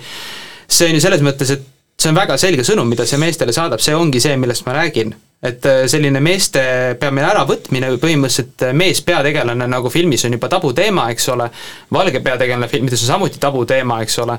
Hollywoodis ei saa enam isegi äh, põhimõtteliselt Oscaritele kandideerida, ilma et see oleks nagu mingisugune kvoota nagu mustanahalisi täis, eks ole. ja no just hiljuti näiteks Taanis tuleb uus film, mis toimub Taanis film ei ole Taanis minu meelest, aga igal juhul ta toimub Taanis äh,. aastat tuhat seitsesada viiskümmend kaks, eks ole, kõik on valged. sellepärast, et Taanis ei olnud sellel ajal mitte ühtegi nagu teist värvi, teise nahavärviga inimest ja suur skandaal. et noh, see on täiesti absurdne minu meelest, et äh, standard, mis filmidele tänapäeval seatakse ja nende filmidega proovitaksegi noh, väga selget sõnumit saata valgetele meestele, et teie ei ole ühiskonnas olulised ja me tahame teie, teie rolli ühiskonnas vähendada issand, ma ei oskagi kohe selle asja peale midagi kosta nagu, et et ma ei tea, kui sa lähed kino kodulehele ja vaatad filme, mis sealt tulevad, siis ma ei tea, sellised jutud, äh, ma ütleks, et ei vasta nagu küll tõele, et minu arvates on, on äh, igasuguseid tegelasi piisavalt ja mina küll ei tunne, et, et seal oleks nagu midagi kreenis või valesti ja ja siit tekib ka küsimus, et, et miks peaks nagu seda häbimärgistama või või ma ei tea, filmidest ära võtma, et seal on erinevaid tegelasi, et maailmas on ka erinevaid inimesi ja näiteks mina väga tahaks, et tulevikus minu laps ka kunagi näeks, et ongi erinevaid inimesi ja ja erinevaid rasse, erinevaid rahvuseid ja erinevaid kultuure, sest et see tegelikult avardab silmaringi ja ma ütleks, et ma ei tea, kogu aeg tulevad välja uued filmid, kus on, kus on peategelased valged mees ja naine ja ma ei tea, noh, ma arvan, et ka see on vägagi selline teema, et sa saad seda vaadata väga ühe nurga alt ja väga mustades toonides versus see, et sa vaatad seda kogu pilti ja, ja näed, et tegelikult lihtsalt on oluline, et erinevad inimesed näeksid, et filmis on esindatud ka nende moodi erinevad inimesed ja ma arvan, et seda ei pea üldse nii kõvasti üle dramatiseerima no., et sellel ei ole kellegi selle, otseselt selle vastu, et äh, on erinevad inimesed filmides, ei ole kellelgi mitte midagi. ma ütleks, et see, kuidas viimased need niisugused äh, progressiivsed filmid on nagu kinodes teinud, näitab väga selgelt ära selle, et äh, mida inimesed tahavad vaadata, mida inimesed ei taha vaadata, et mul ei ole kahtlust ka, et nagu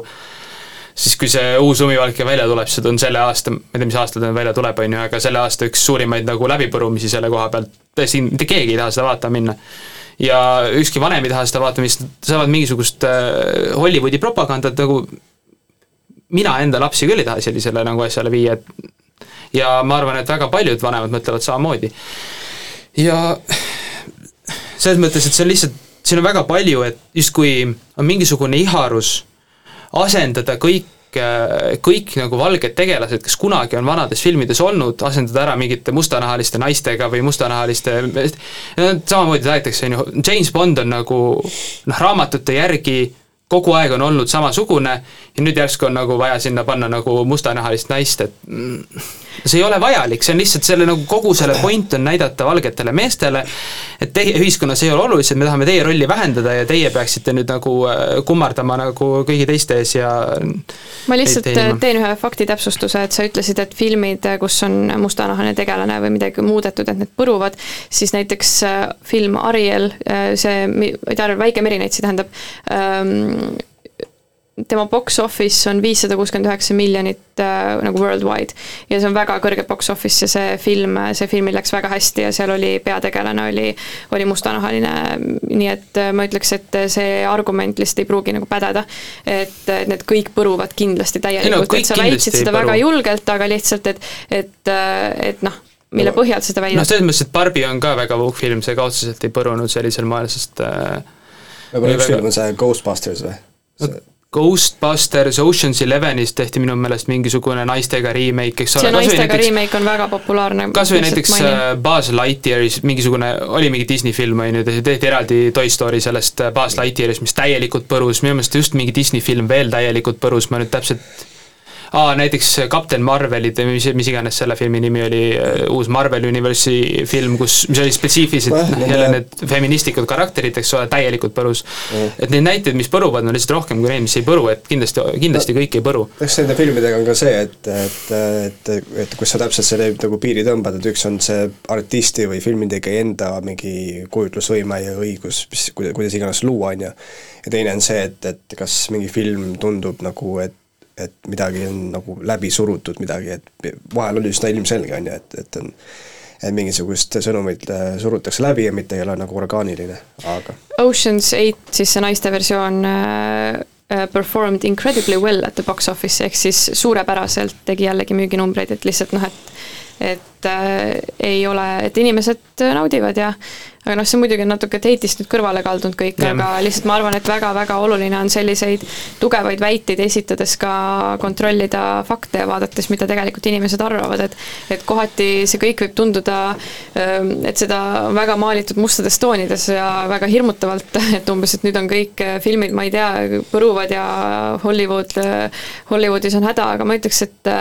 et tasub alati sellises olukorras võtta natukene rahulikumalt, vaadata numbritele, datale peale ja, ja mitte kuidagi läbi inimeste vaenamise seda teha. ma just ütlen kiire, kiire asja, ma muud ei ütle, et põhimõtteliselt mida ma tegelikult tahan öelda, on see, et kindlasti on teatavad erandid, ma ei kahtle selles, lihtsalt küsimus on selles, et kui sa, kui sa vaatad viimaseid aastaid, siis äh, filmid, mis on vähegi normaalsed ja mis ei edasta mingisugust väga selget sõnumit, kuhu ei ole nagu peategelasest topitud nagu mingisugused homopaare, just nagu ainus põhjus on see, et oleks homopaar peategelane, mingisugust nagu loo sisulist põhjust sellel ei ole, eks ole, siis mõni selline film, ma ei tea ausalt öeldes ühtegi. Minu meelest isegi seda sama, seesama Buzz Lightyeari asi minu meelest, seal, sinna tehti mingisugune homo, homoasi sisse ja nagu väga palju on ja päris mitmeid on selliseid filme veel ja, ja no näiteks kui sa vaatad, näiteks no Spider-man tuli välja, eks ole, kus, mis on nagu üllatavalt tavaline film, siis see tegi väga hästi kinodes, samamoodi Top Gun tegi väga hästi kinodes, sellepärast et nagu need olid filmid, kus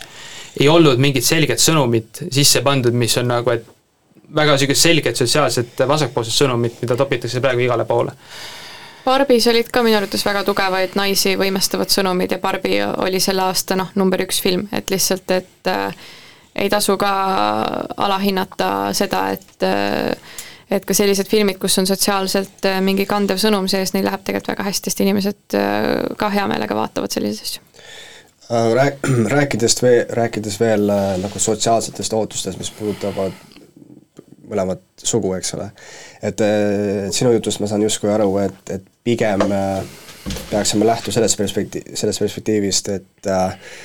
ükski nagu kindel sotsiaalne roll ei kuulu kin-, ühelegi kindlale nagu soole. et äh, mõlemad saavad teha mõlemat mm, -hmm. aga kas sa sellega nõustud, et, ütleme, et meeste puhul, naiste puhul on nagu teatud kalduvus, et mingisugust äh, rolli nagu rohkem võtma, nagu bioloogilises mõttes? Kindlasti on mingi, mingid eelistused, aga siit tuleb ka see küsimus, et kui palju need on nagu ühiskonna poolt ja kodude poolt juba sätitud versus nagu ise valitud. et see on juba eraldi de debati koht. näiteks kui me räägime noh, et poisid on huvitatud rohkem nagu asjadest, tehnoloogiast ja tüdrukud rohkem nagu siis inimestest, et nad on rohkem nagu sotsiaaltöös ja niimoodi ja sellepärast noh, see on see, see, see nagu palgaerinevuse debatt ka, et sellepärast nad teenivad vähem, seda valivad. ma arvan, et see on väga palju ka sellise nagu suunamise küsimus, et näiteks noh, kui ongi, et äh, kõigile poistele klassis öeldakse, et minge ikka sinna robootikaringi ja siis sinna lähevad üks-kaks tüdrukut ja noh, kuidagi neid võib-olla ei julgustata nii palju sinna minema, siis muidugi seal tekib see lõhe, see ei ole ju mingi küsimus. aga minu, minu nagu põhimõte ongi see, et, et äh, siin peaks olema kõigil vabalt see valikukoht, sest et ja kui tekivadki, ega, ega mina, noh, kui ma ei tea, poiss tahab teha ühte asja, tüdruk tahab teha teist asja, mis on võib-olla nii-öelda siis rohkem soorollipärased, siis selles ei ole ka mitte midagi valet, see on umbes täpselt seesama küsimus on, et et äh, minu jaoks nagu õige feminism on see, mis toetab nii seda naist, kes tahab äh, karjääri teha ja mitte lapsi saada, kui ka seda naist, kes tahab äh, koju jääda ja kodus lapsi kasvatada, et, et tõeline feminist, feminism toetab neid mõlemaid ja ei mõista mitte kumbagi hukka. Mm.. ja samamoodi on on selle soorollide küsimusega, et et tõesti toetav ühiskond ei mõista hukka ei meessoost õpetajat ega lasteaiakasvatajat ega ka meessoost äh, mingit tehnoloogiahiidu, on ju, et, et kõik on äh, vabalt äh, tolereeritud, mõistetud ja see ei tähenda, et kellelgi kaoks mingid rollid või asjad ära, on ju, et lihtsalt sinna rolli surutakse neid mitte nii tugevalt sisse. Ja see võib olla tõesti väga positiivne mõju ka vaimsele tervisele, sest et oletame, et võib-olla mingi naine just tunneb, et ta tahaks rohkem karjääri karjääriga tegeleda, mingeid ägedaid väljakutseid, reisida, ma ei tea, tegeleda ekstreemspordiga, mida iganes, on ju. ja, ja kui ta tunneb, et ta saab seda vabalt teha, see, see tegelikult on ta vaimsele tervisele ju palju parem, sest ta saab tegeleda eneseteostusega, mis talle päriselt meeldib. samamoodi on ju meestel ja, aga see ei tähenda, et me keelaks olla kellelgi maskuliinne või feminiinne, absoluutselt mitte. ja kui graviteerutakse võib-olla siis ka rohkem mingite oma omaduste poole, siis mis on siis nii-öelda noh, bioloogilisemad, siis selles ei ole ka mitte midagi vale, aga kui sa sinna ei pöördu, siis see on ka okei okay.. et äh, ma arvan, et see taandub kõik sellisele nagu inimlikule tolerantsusele, kui palju sa tahad teise elu otsustada ja tema elu sättida nojah, me ma arvan, me kõik nõustume, et see vaba valik peab siin eks eksisteerima, on ju, aga võib-olla see üleüldine sõnum, äh, mis sa edasi annad, et võib-olla see läheb liiga nagu meeste ja naiste loomusele vastu ja seega nagu ei teeni ühiskonda kõige paremini või noh, see oleks see argument ühesõnaga et, äh, et no. kuidas kõnetada nagu mehi kõige paremini ja, ja mis sõnumit anda just, et, et ütleme, oleks rohkem riigikaitsjad, on ju. et, äh, et äh, noh, me teame, et mehed on, tõenäoliselt kvalifitseeruvad enamikes asjades rohkem, on ju, mis puudutab riigikaitset, et siis kuidas see, et kui see sõnum on nagu liiga neutraalne ja ei kõneta nagu mehi spetsiifiliselt, kes võib-olla oleksid just, kuidas öelda siis, oma omadustelt füüsilises mõttes ja nii edasi, et kui see sõnum on liiga nagu niisugune neutraalne, siis võib-olla see ei teeni seda eesmärki kuigi, kuigi hästi, et see riigikaitse oleks, näiteks, et see riigikaitse oleks hea või? et selle mm, sõnumite koha pealt ma arvan, et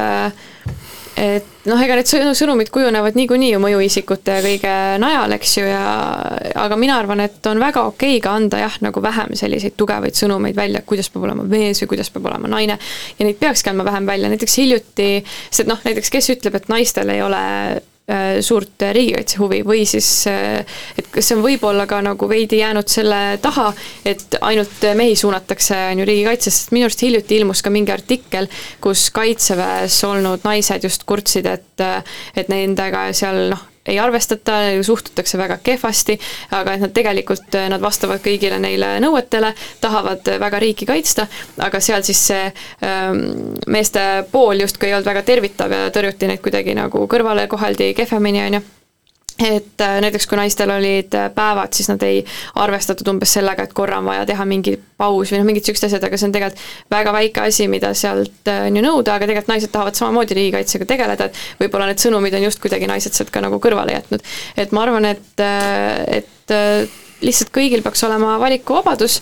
ja, ja siis noh, ma arvan, et selle üle ei ole nagu midagi muretseda, sest et ja kui tõesti siis valivad mehed rohkem riigikaitset, siis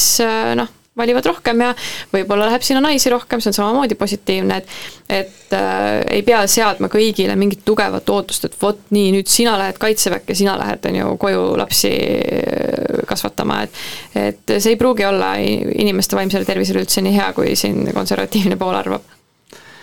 jah, mul muidugi tekib küsimus, et ma saan aru, et nagu lahing käib ja naisel on päevad, et kuule, sorry, et teeme lahingus või kiire pausi, et ei no me ei räägi sellest, me et räägime nagu, no. me räägime tole, tole teiste tolereerimisest Kaitseväes, me ei räägi lahinguolukorrast praegu. aga üldiselt ma tahtsin minna nüüd tagasi selle feminismi juurde, et et justkui meil võiks olla selline ühiskond, kus kedagi ei kritiseerita enda valikute ees, valikute poolest ja kõik saavad teha valikuid, mis nad tahavad, siis no me absoluutselt ei ela sellises ühiskonnas, et hetkel väga tugevalt äh, naisi suunatakse rohkem karjääri tegema, see on nagu äh, väga levinud, et naised käivad hetkel nagu isegi rohkem, kõvasti rohkem ülikoolis kui mehed, eks ole, naised teevad äh, palju rohkem karjääri ja väga tihti see ei põhine naiste vabal valikul selles mõttes, et neil puudub nagu täielik informatsioon. Nad, kui sul puudub äh,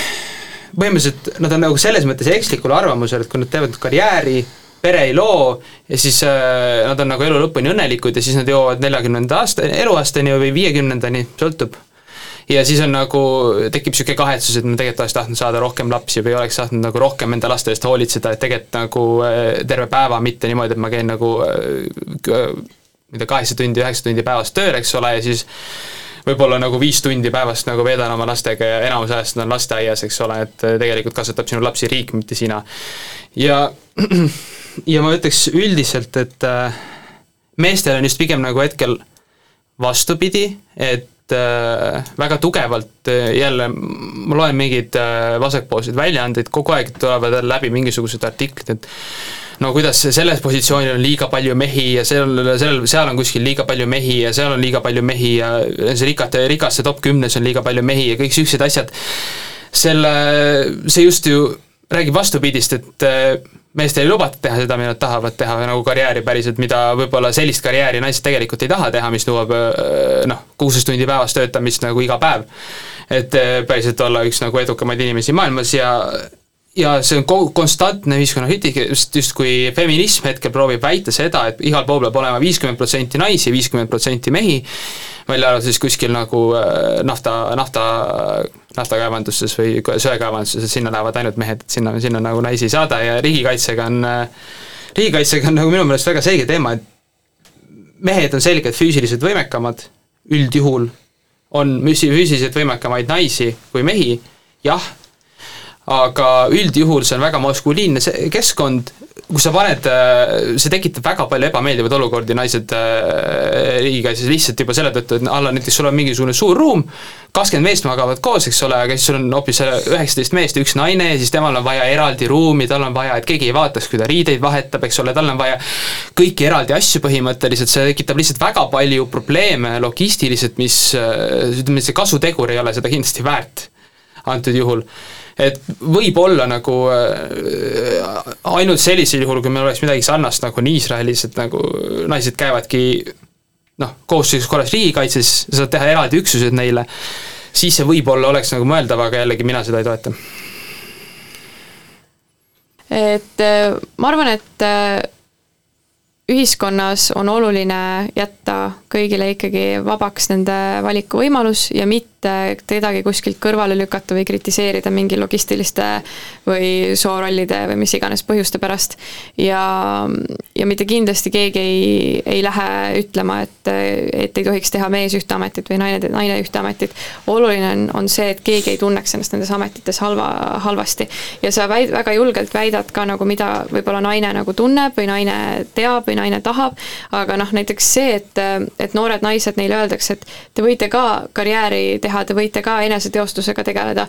sest et usu mind, see, kes seda üldse teha ei taha, ei lähe seda vägisi tegema ka. aga on väga paljud naised, kes väga tahavad ja see julgustus on neile väga oluline. ja, ja üks ei välista teist, ei tähenda, et sa saad olla kas karjääriinimene või, või pereinimene, need võivad vabalt käia koos. ja, ja minu arvates see, kui naistel hakatakse selliseid asju piirama, keelama ja mingite konservatiivsete meeste poolt nagu häbimärgistama, et sina nüüd ei või karjääri teha, sulle umbes pannakse siin mingid äh, toksilised mõtted seal pähe ja, ja see on, see on vale, see on lihtsalt äh,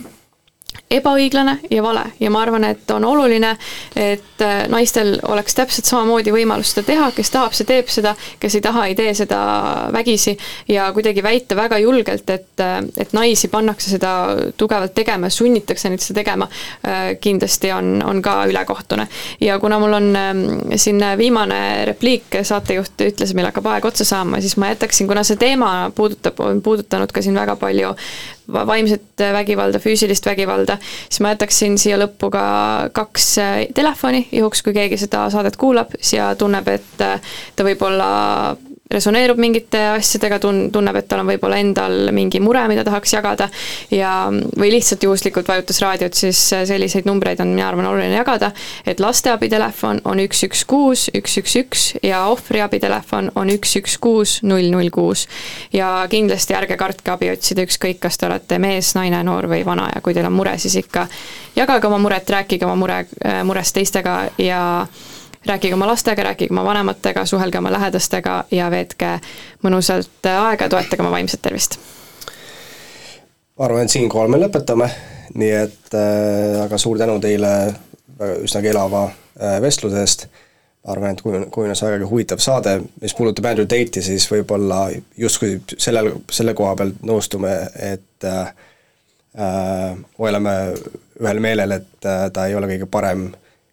lahendus nii-öelda praegusele kriisile, millest me räägime, aga erimeelsus siis, siis äh,